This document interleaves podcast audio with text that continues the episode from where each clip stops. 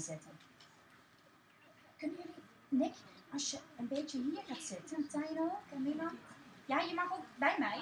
Maar daar komen ook de plaatjes op, dus dan kun je ook meekijken. Ja?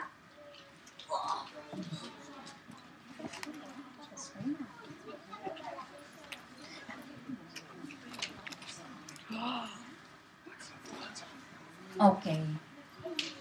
Jullie zitten allemaal? Ja? Ik ga een verhaal vertellen. En het boek heet Speciaal voor jou. En het gaat over nerflanders. Nou, dat is een rare naam. Wie zijn nou die nerflanders eigenlijk? De nerflanders, dat zijn kleine houten mensen. En ze zijn gemaakt door Eli. Eli is een houtsnijder. En hij woont boven op een heuvel. En daar heeft hij ook zijn werkplaats. En boven op die heuvel, dat vindt hij juist zo fijn, want dan kan hij het hele dorp zien. Elke nerflander ziet er anders uit. De een heeft hele grote oren, of grote ogen, of een grote neus. En de ander draagt een hoed of een jas.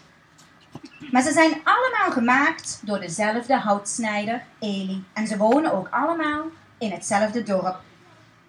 De hoofdpersoon door alle boekjes heen van de Nerflanders, dat is Wout. Samen met zijn vriendinnetje Lucia. Luisteren jullie mee? Dan gaan we eens kijken wat er te beleven valt bij de Nerflanders vandaag.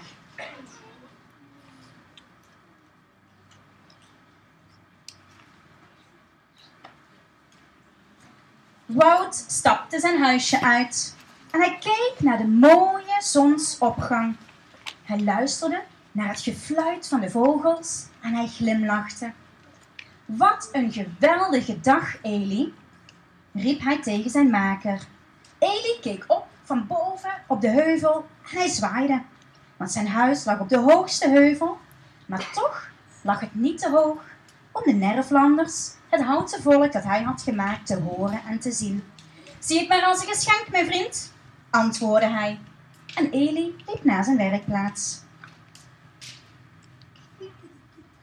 Wout zag in zijn brievenbus een glimmend rood pakje liggen.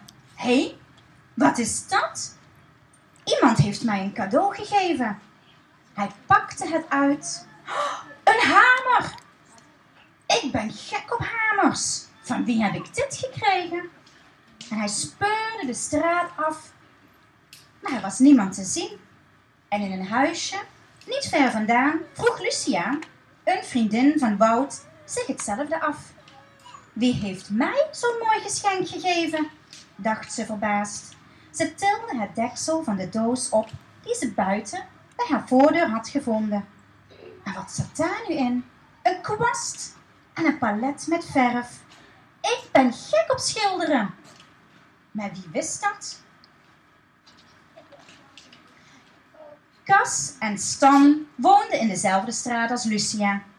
Zij vonden hun geschenken aan het voeteneind van hun bed. Wauw, bedankt Cas, riep Stan. Uh, je hebt het niet van mij gekregen, zei Cas. Heb jij dit dan aan mij gegeven? Hij hield een pak met een rood lint omhoog. Nee, maar laten we snel onze cadeaus openmaken. Naaispullen! Stan hield een naald en een klosje met garen in zijn handen. Ik ben gek op kleren naaien. En Cas was al net zo opgewonden. Een gitaar. Ik weet hoe ik gitaar moet spelen. Maar wie zou ons deze geschenken hebben gegeven? En waarom? vulde Stan aan. Cas en Stan waren niet de enige nerflanders die hier benieuwd naar waren. Dick de bakker zei tegen zijn vrouw: Kijk, een nieuwe lepel! En Fleur, de bloemiste, vond een prachtige vaas op de stoep voor haar huis. Zelfs de burgemeester en zijn vrouw hadden geschenken gekregen. Kijk eens, een emmer en een borstel. De burgemeester straalde. Ik ben gek op dingen schoonmaken. Toen ik een kleine nerflander was, nou, ik niet hoor, onderbrak zijn vrouw. Dat geschenk, dat zal zeker voor jou zijn. Maar dan is deze vast voor jou. antwoordde de burgemeester en pakte nog iets uit de doos. Een boek. Een voorleesboek voor de kleine Nervlanders. Wat leuk! Maar wie heeft ons deze geschenken nou gegeven? Ik weet het niet, antwoordde de burgemeester, terwijl hij uit het raam op de bovenverdieping naar de straat beneden zich keek. Maar ik zie daar drie kleine Nervlanders die vast wel een verhaal kunnen gebruiken. De burgemeester en zijn vrouw zagen op straat een heel vermoeid Nervlandersgezin. De moeder en vader stonden naast een wagen. Hun drie kinderen zaten er bovenop. Ze zagen er koud en verdrietig uit. En toen de burgemeester en zijn vrouw de straat opliepen, stonden er al andere Nederlanders bij het gezin. Wout, Lucia, Cas, Stan en Dick waren met hun geschenken naar het dorp gekomen om de gever ervan te zoeken. Maar zodra ze de wagen zagen, gooiden ze hun geschenken aan de kant van de weg en dachten er niet meer aan. Wat is er gebeurd? vroeg Lucia aan het gezin. Alles is misgegaan, vertelde de vader. Toen we de brug overstaken, is het wiel van onze wagen verbogen. En door het verbogen wiel kantelde de wagen en onze kleren vielen in de rivier en zijn weggespoeld. En de regen heeft ons eten doorweekt. We zijn moe en hongerig en vies. Waar gaan jullie naartoe? We zijn van ver gekomen om Eli te bezoeken, antwoordde de moeder. Maar ik denk niet dat ons dat zal lukken. We zijn zo moe en we hebben zo'n honger. En haar stem zakte weg en ze boog haar hoofd. En een paar ogenblikken was iedereen stil. Niemand wist iets te zeggen. Toen kreeg Wout een idee. Hij draaide zich om naar zijn vrienden en stelde voor: Zeg, zullen wij ze helpen om naar Eli te gaan? Ja, ja, ja, stemden ze in. En elke Nervlander deed zijn best om het wiel te maken. Kas en Stan probeerden het wiel van de wagen af te trekken, maar ze kregen er geen beweging in. Aan de kant, laat mij het maar even doen, beval Dick. Maar toen hij aan het wiel trok, brak het in twee stukken. Kijk nu eens wat je hebt gedaan, zei de burgemeester. Laat het maar aan mij over. Maar toen hij het wiel optilde, viel het helemaal uit elkaar.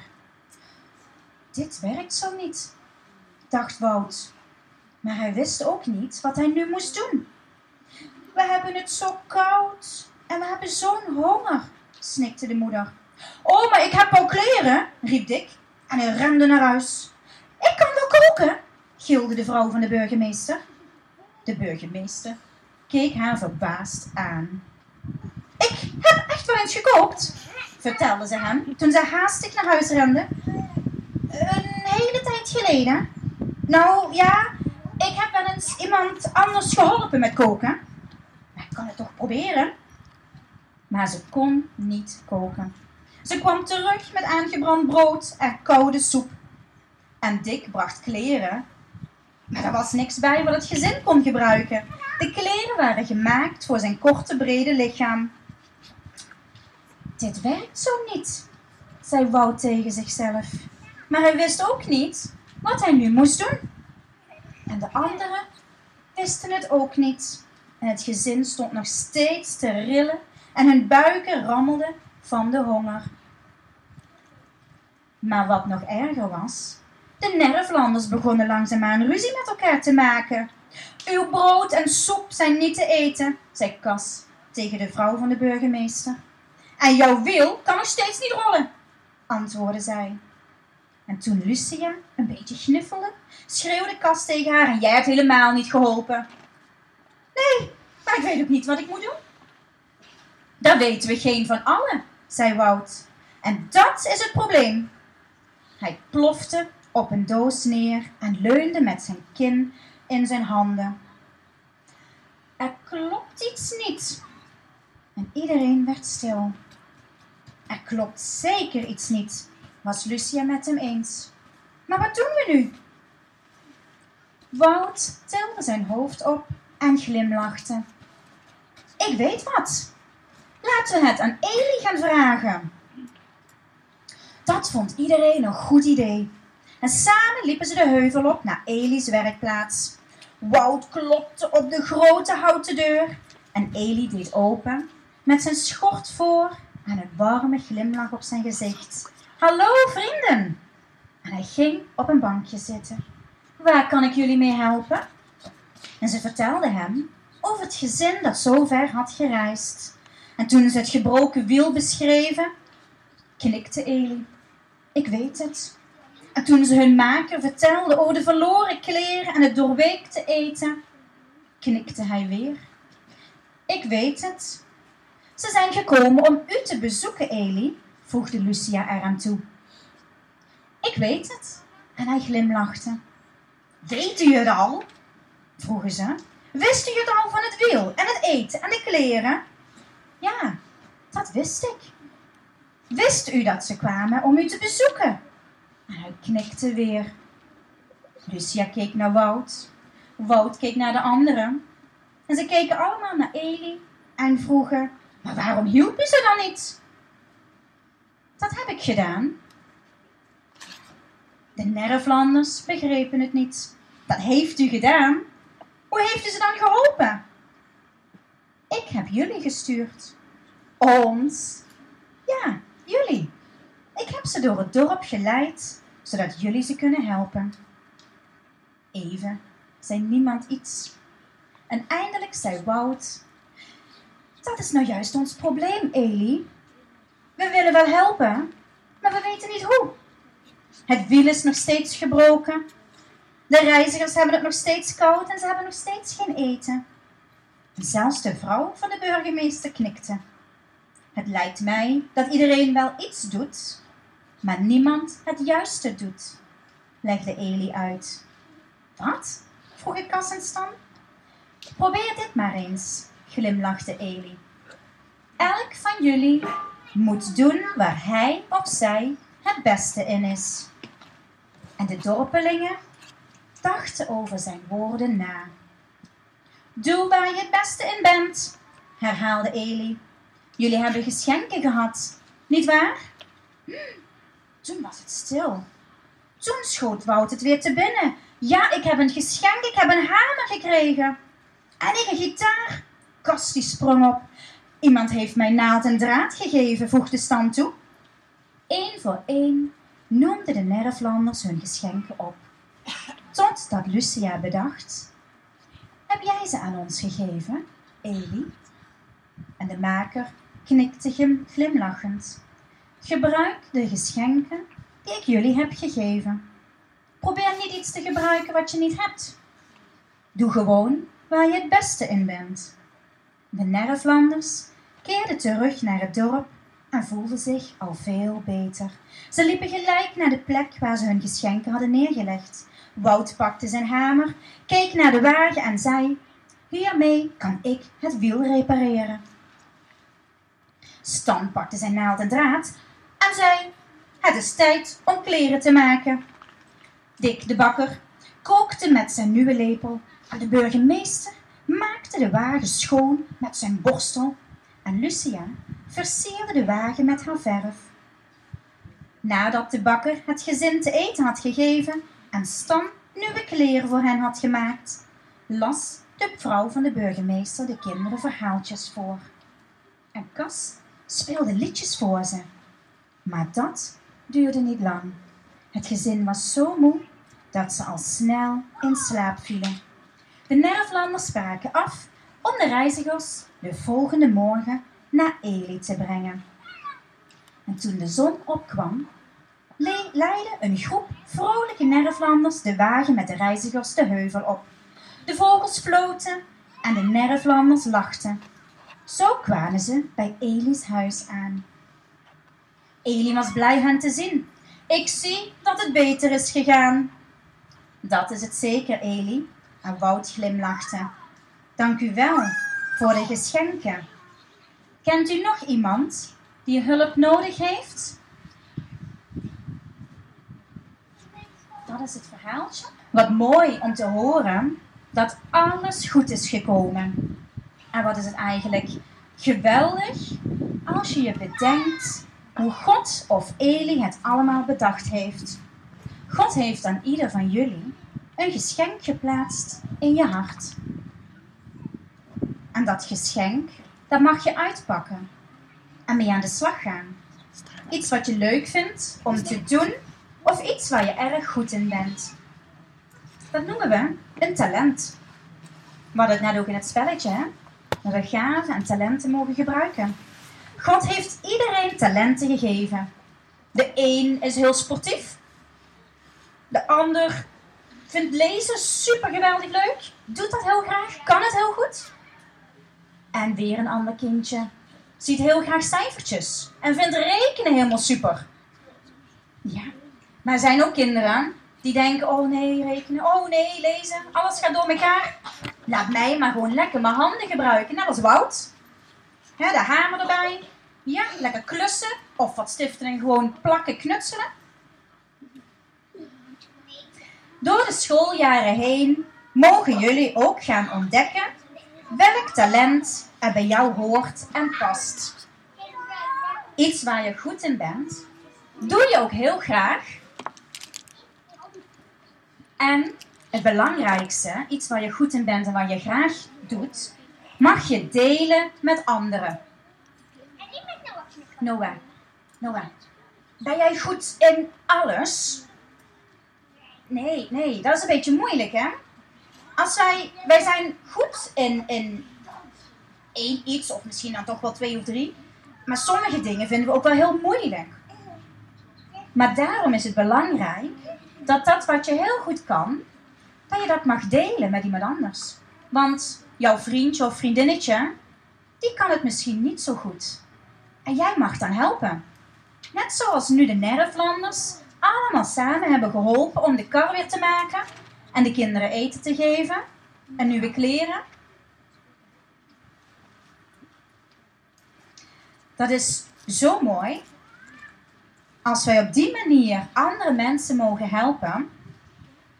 Want dat is wat onze liefdevolle Vader heeft bedoeld. Hij heeft ons zoveel mooie talenten gegeven die wij weer mogen doorgeven aan anderen. En op die manier kunnen wij steeds een klein stukje liefde van wat God voor ons heeft, steeds doorgeven aan iemand anders. En doordat wij ehm, dat kunnen doorgeven en anderen helpen, word je daar zelf heel blij van. Want je hebt iemand kunnen helpen met iets wat je zelf heel graag doet. En die ander wordt weer heel gelukkig omdat je hem hebt kunnen helpen. Soms vinden we iets ook echt wel moeilijk of lukt het niet, want ja, we hoorden net al, we zijn niet goed in alles. En dan hebben we die hulp nodig en die mogen we vragen aan je broer of zus, of aan je vriend of vriendin, of, ja, of je meester of je juffrouw. Ik had van de week um, even zo'n moment dat ik eens in plaats van even snel onder de douche, eens even dacht, we gaan vanavond eens even relaxed in bad liggen.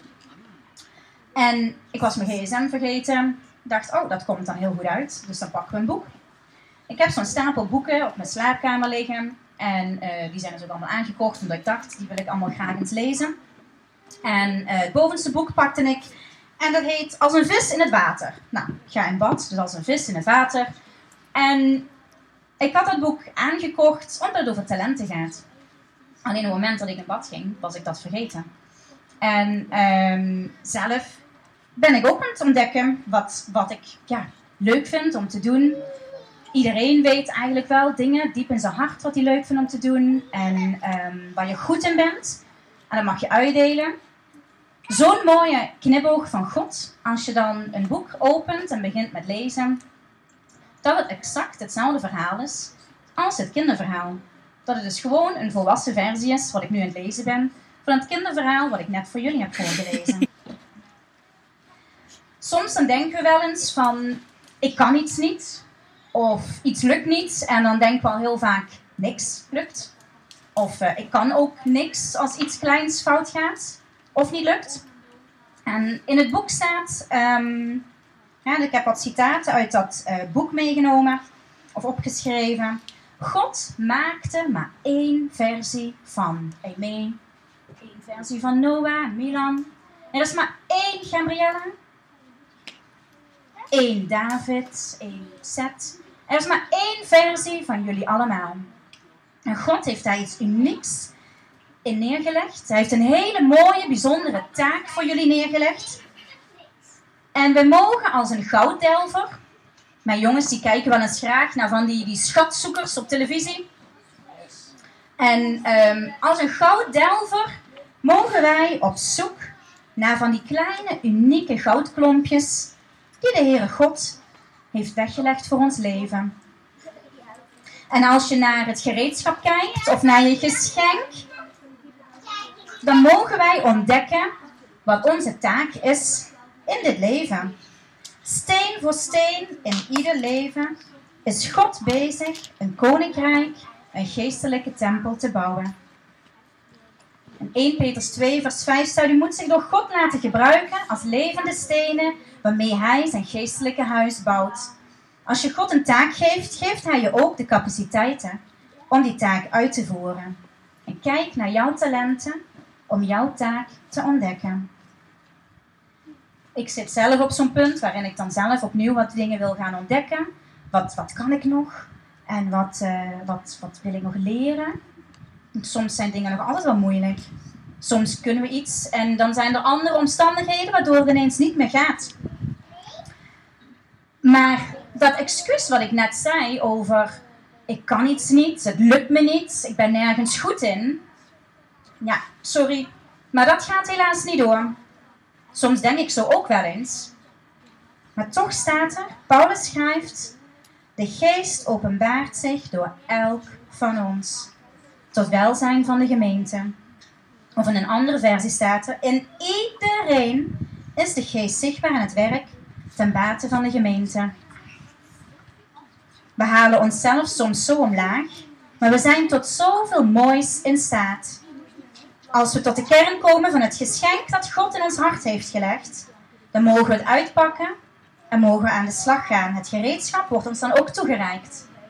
Soms dan gaan we um, op school, als iets moeilijk is, Milan, Joppa, Gabriella, als we soms op school zijn, iets is heel moeilijk en we denken, pff, allemaal nieuwe leerstof en, en ja, je kan er nog even helemaal niks mee. Maar dan hebben we ja, wat vaker die uitleg nodig. We hebben de juf nodig die ons dat steeds weer uitlegt. We hebben de boeken erbij nodig waarin we kunnen zien hoe dat iets nodig is en hoe dat het in elkaar moet. Maar we hebben ook onze Heere God die wij mogen vragen om ons te helpen en om ons kracht te geven om door te gaan. Want het is de Heere God die ons deze gave gegeven heeft, zodat wij Hem bekend mogen maken. En, want dat is uiteindelijk de bedoeling. Ik had dus straks uitgelegd dat als wij onze gaven en talenten hebben en we heel goed in iets zijn, dan mogen we dat uitdelen aan anderen. En doordat we gaan delen met anderen, mogen wij steeds meer stukjes van de Heere God laten zien aan anderen. Amen.